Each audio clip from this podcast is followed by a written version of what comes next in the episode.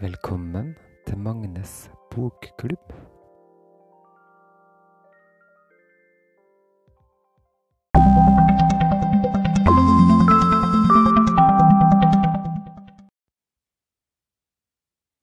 Hei, og velkommen til første episode av Magnes bokklubb. Dette er altså lesesirkelen min som jeg har bestemt meg for å starte.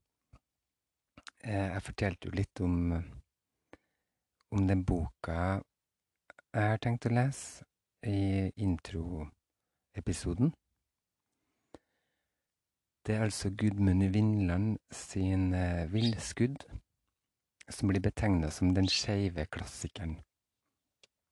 Og den har tydeligvis eh, betydd litt for folk opp gjennom tida, den boka her. I forordet så kan Ingvar Ambjørnsen fortelle at den var en braksuksess da den kom ut i 1979, og den solgte i bøtter og spann.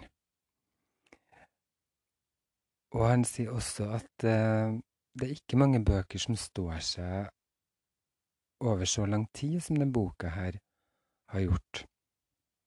Det er nå altså 40 år cirka at den boka her eh, har vært, og den selger fremdeles eh, bra. Ingvar Ambjørnsen sier at han reiser rundt omkring og Spesielt i Tyskland så sier han at det stadig kommer nye opplag og nye lesere som blir begeistra over denne eh, boka, da. Det er en undertittel på den som er um, 'Sangen til Jens'. Og den er dedikert til forfatteren Jens Bjørneboe. Det ble også sagt at Gudmund Vindland hadde et uh, erotisk forhold til Jens Bjørneboe fra 1972 til 75.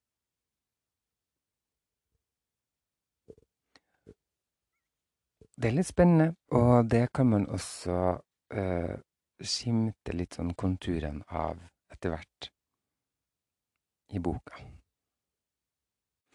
Så nå er jeg ivrig etter å sette i gang, og jeg er veldig spent på om det er noen som i det hele tatt blir med og leser med meg.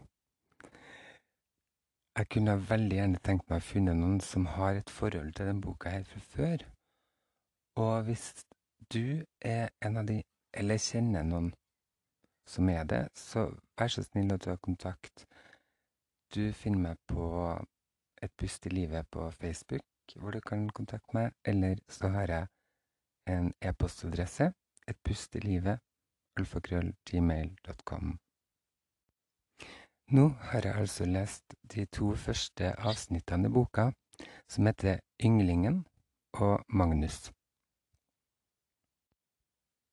Og Ynglingen starter med et lite vers av Bjørnstjerne Bjørnson, som går sånn her. Løft ditt hode, du raske gutt, om et håp eller to blir brutt. Blinker et nytt i det, ditt øye, straks du får glans fra det høye. Og når man så begynner å lese denne første delen, som er veldig kort, en og en halv side, så går det jo rett inn på eh, at man blir kjent med, med Yngve, som gråter og ikke har det så bra. Og det verset gir et slags håp. Blinker et nytt i ditt øye straks du får glans fra det høye. Eh, så kanskje det er som en slags trøst, eller noe sant? Det starter jo med eh, grålysningen over Østmarka, stjernene blekner på himmelen ettersom lyset stiger. Det er veldig vakkert eh, eh, beskrevet, stemningsfullt. Det er også litt sånn dystert at det er råtten snø og Og ja, litt sånn dyster stemning. Og så blir man introdusert med en gang for Yngve, da. Det er en gutt som kommer traskende oppover i grålysningen over Østmarka. Og svetten driver av han, håret klistrer seg til panna, han er sliten, lei seg, og så kommer han til en stein, vårstein, står det. Der kryper han sammen, hiver etter pusten. Han griner, men det er ja, det er vondt å grine, men det er godt også. Og så ser han at sola kommer oppover eh, trekronene. Og eh, skriket bygger seg opp i han, og han roper 'Magnus, Magnus, Magnus'. Og da skjønner man vel ganske fort at han har kjærlighetssorg. Og så sier han også ut i lufta da til Magnus, du er feig, du. Du har kjent meg bestandig, og jeg kjenner deg like godt som du sjøl. Du har vært med på det her like mye som jeg, vi har vært to om alt, sin. Og så tør jeg endelig å sette ord på det som vi har visst i to år. Og da rømmer du, din drittsekk. Skjønne drittsekken min, han.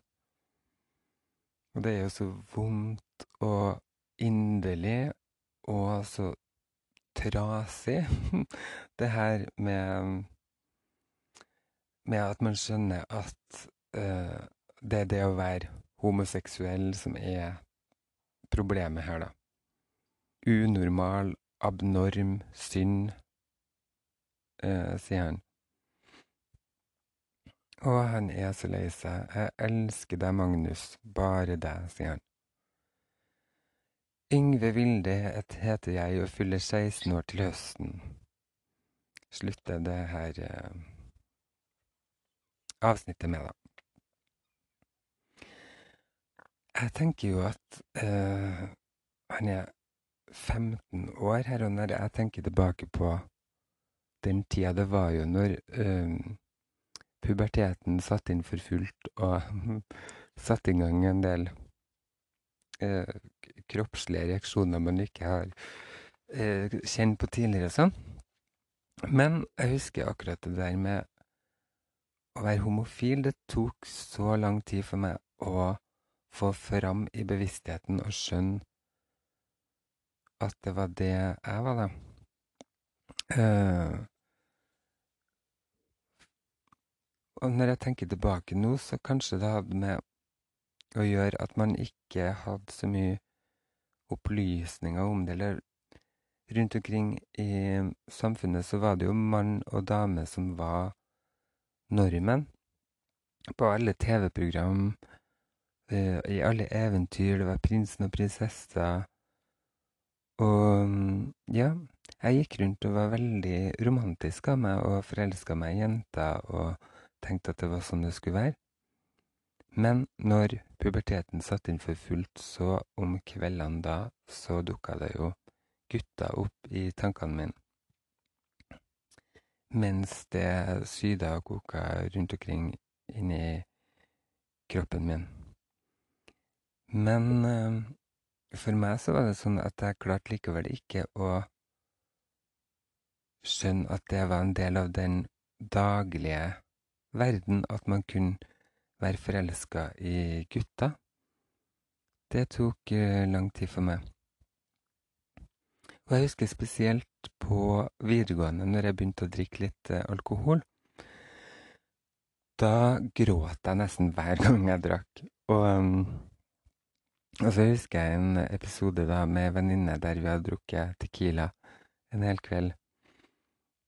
Og så setter jeg meg og snakker med henne, og jeg gråter. Og så sier jeg, du, jeg tenker på gutta om natta. Og så sier hun til meg, ja, men Magne, du trenger ikke å være homo for det, sjø. Og så slo jeg det kanskje fra meg, og det var jo litt sånn skjellsord rundt det her med å være uh, homo, da. Eller det ble brukt som et skjellsord. Er du homo, eller? Og Og det gjorde kanskje Altså, jeg tror ikke at det var så bevisst, men underbevisst så holdt de meg litt unna det. Og ja. Å forstå at det var det jeg var, da. Eh, og det er egentlig ganske rart, fordi at jeg har ikke sett på meg sjøl som noe spesielt redd for å være annerledes eller skille meg ut. Og det gjorde jeg jo. Eh, jeg kledde meg jo merkelig for å få oppmerksomhet, og Eller jeg vet ikke om det var for å få oppmerksomhet, men jeg gjorde nå det. Og eh, jeg husker også når jeg skulle på sesjon da, i militæret, så var jeg livredd for det. Jeg hadde ikke lyst å være i militæret. Og da sa jeg til ei i klassen min Hva om jeg sier at jeg er homofil? Kanskje jeg slipper det? Tenk tenk at jeg sa det uten å være bevisst på at jeg faktisk var det, for jeg tenkte jo på gutta på en uh, veldig erotisk uh, måte, da. Nei, så det tok litt tid, det der. Lang historie, det der, egentlig. Det kan jeg fortelle mer om seinere, men det ble en liten digresjon.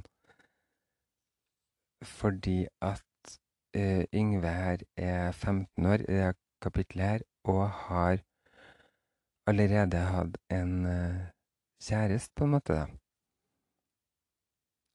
Men så trakk jo han seg unna. Magnus, uh, tydeligvis på grunn av at det er et eller annet som var vanskelig med det her med å være homofil, og da sette ord på det, ikke sant. Uh, Magnus sier jo Nei, men mener Yngve sier jo Og så tør jeg endelig å sette navn på det vi har visst i to år, sier han. Det får meg også til å tenke på ja, det å sette navn på det, det er kanskje skummelt.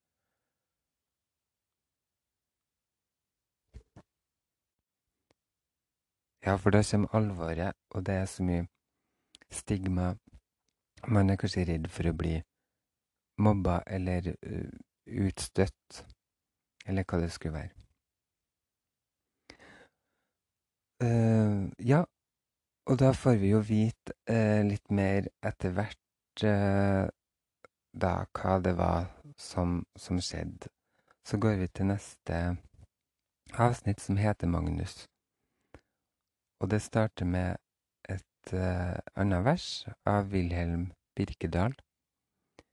Jeg så ham som barn med det solrike øyet, i regnbuens glans på det hjemlige høye. Han kysset mitt kinn, og vi lekte med stjerne, mens korset sto skjult mellom løv i det fjerne. Og det verset er jo også ganske beskrivende, da det er først vakkert og nydelig, men så står det mens korset sto skjult mellom løv i det fjerne. Det står det liksom noe ulme og lure. Og det er kanskje den her kristendommen og eh, moralen som står og, og ødelegger litt for det vakre, fine kjærlighetsforholdet, da. Eh, og i det avsnittet her så forteller Yngve om hvordan han og Magnus ble kjent. De ble venner når de gikk i fjerde klasse, sier han, og da har Yngve kommet flyttende fra Toten, der han har bodd sammen med mora og broren sin. Eh, for faren har jobba i Oslo da, og prøvd å samle penger til en blokkleilighet de skulle få der. Og når han begynte på skolen, så ble han fort uh, mobba fordi at han hadde en sånn rar dialekt. Og en gang når han ble uh, plaga av noen gutter, så kommer Magnus og stiller opp for han. Og de tøffe guttene uh, luska unna, holdt seg unna fordi Magnus eh, var altså sønnen til en streng religionslærer, som de sikkert hadde respekt for, da. Og da fikk Yngve seg sin første venn der, i Oslo. Men de holdt seg litt utenfor, for de begge var jo skula litt på, siden Magnus var sønn av den her strenge religionslæreren. Og Men dem fikk et vennskap, da, og Magnus gikk ofte på en sånn ungdoms kristelig ungdomsklubb som Yngve ble med på, sjøl om han ikke var så veldig interessert i verken Jesus eller salmesang, står det. Men han ble nå med. Han hadde sjøl ikke noe spesiell kristelig bakgrunn. Mora hadde sagt be Gud om mat i den ene handa og spytt i den andre, så skal du sjå hvilken hånd du får mest i, har jeg sagt. Men i hvert fall så fikk de et et godt vennskapsforhold, og etter hvert så begynte Yngve å kjenne på en gryende forelskelse, og den var både søt og og deilig, men også forvirrende og skremmende. For han skjønte jo at det her ikke var så allment akseptert, da, at to gutter kan være kjærester. Og han var redd for fordømmelse og ensomheten og grusomheten som det her kunne kunne medføre, da.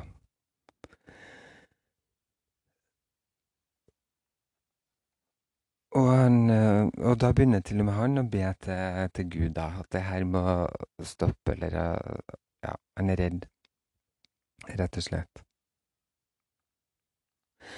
Men så forteller han videre at de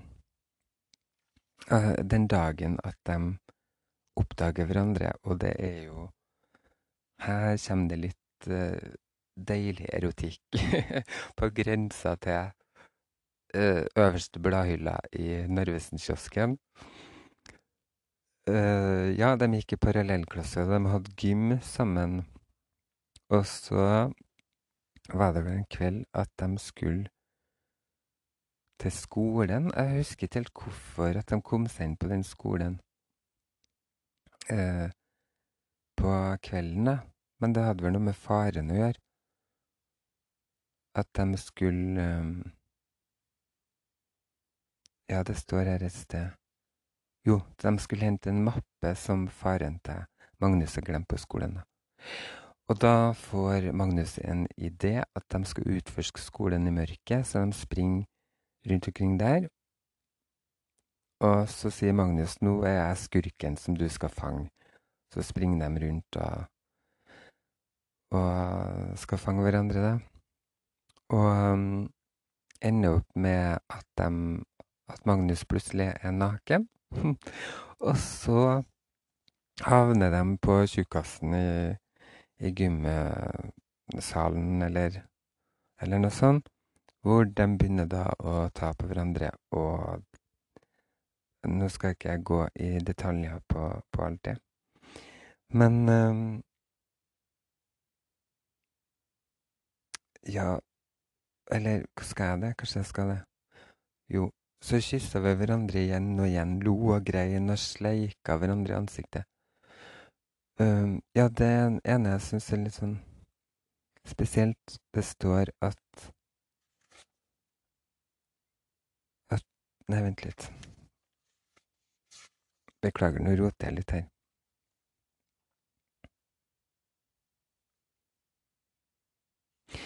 Jo, det sto at de elska, at de lå og elska. Lenge, lenge, står det.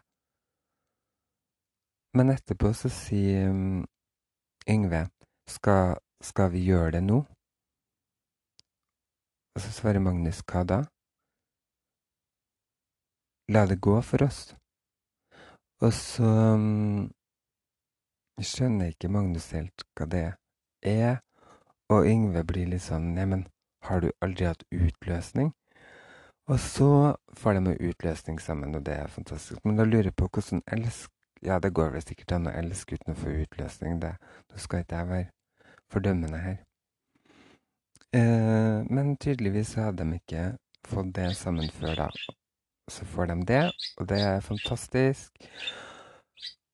Og så sier Magnus til Yngve Jeg syns at du er pen, sier han. Det syns jeg du er òg, sier Yngve. Og det er så vakkert. Men når de er ferdig med det, så blir de jo begge litt redd. Magnus blir litt redd for det her med utløsninga. Han lurer på om det kanskje er farlig. For han har ikke så mye kunnskap om det.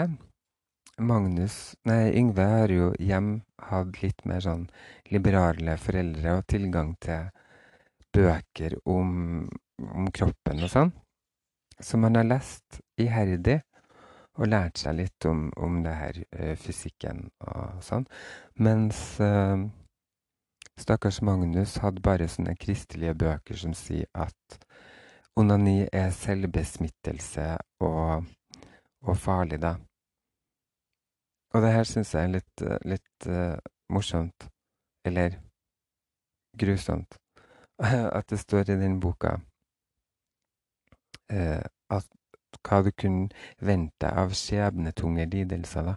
Du kan få kviser, tørt hår med flass og håravfall, blek hud, flakkende blikk, ryggmargssvinn og til slutt uhelbredelig sinnssykdom. Det kan du få hvis du onanerer. Jeg er spent på om det er noen som har, som har merka noe til det. Så, så, hvis noen har erfaring med det, så vennligst send meg melding. Et pust i livet, alfakrøll, gmail.com. Eh, men så står det også det at eh, en annen sånn eh, spådom var at overdreven pirring av det mannlige kjønnsorgan vil få dette til å utvikle seg altfor hurtig. Så det gjorde jo at de fortsatte, da, for det, det syntes de var litt spennende.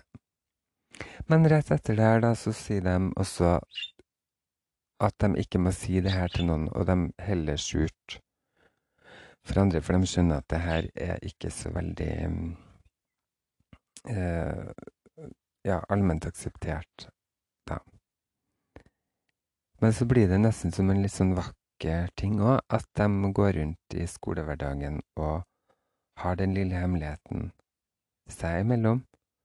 Men de forsøker så godt de kan å late som ingenting overfor de andre. For Yngve sier det at hvis det er noen som ser måten Magnus smiler til Yngve på, så vil de skjønne det med en gang.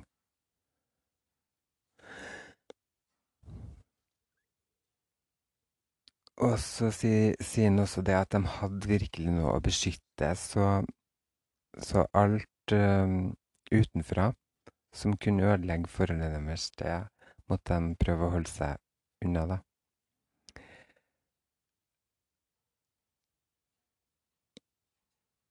Og så sier han uh, også noe vakkert, nemlig det at han mener at forholdet deres inneholdt alle livets verdier og dem ville dem verne for enhver pris. Ja, nå har jo jeg nærmest gått gjennom alt, øh, nesten lest det ordrett. Begge de her øh, avsnittene. Så hvis du sjøl holder på å lese boka, kanskje det oppleves som litt sånn unødvendig at jeg skal gå gjennom så nøye da, alt som skjer, men jeg tenker kanskje noen hører på som bare Som ikke har lyst til å lese boka, bare vil bli, bli informert. Eh, det blir en slags sånn lydbokaktig opplevelse, da. Så kan det være åpent for det òg, tenker jeg. Og mm, så dukker det opp noen tanker og følelser i det, de tingene jeg leste. Så nå har jeg gått grundig gjennom det syns jeg. Men jeg har lyst til å lese en liten del til før jeg avslutter. Da skal jeg lese ut uh, litt av uh, fra det her uh, siste avsnittet. Og da har de altså vært inni den gymgarderoben og, og holdt på. Du sier det ikke til noen?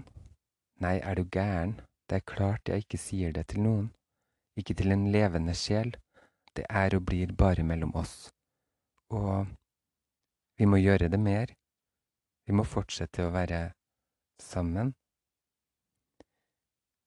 Magnus holdt meg ut fra seg på strake armer, og jeg så hvordan viljestyrken vokste inne i de blanke øynene hans, hvordan beslutningen lyste sterk og skøyeraktig i blikket før han sa ja og slengte meg ned på mattene igjen.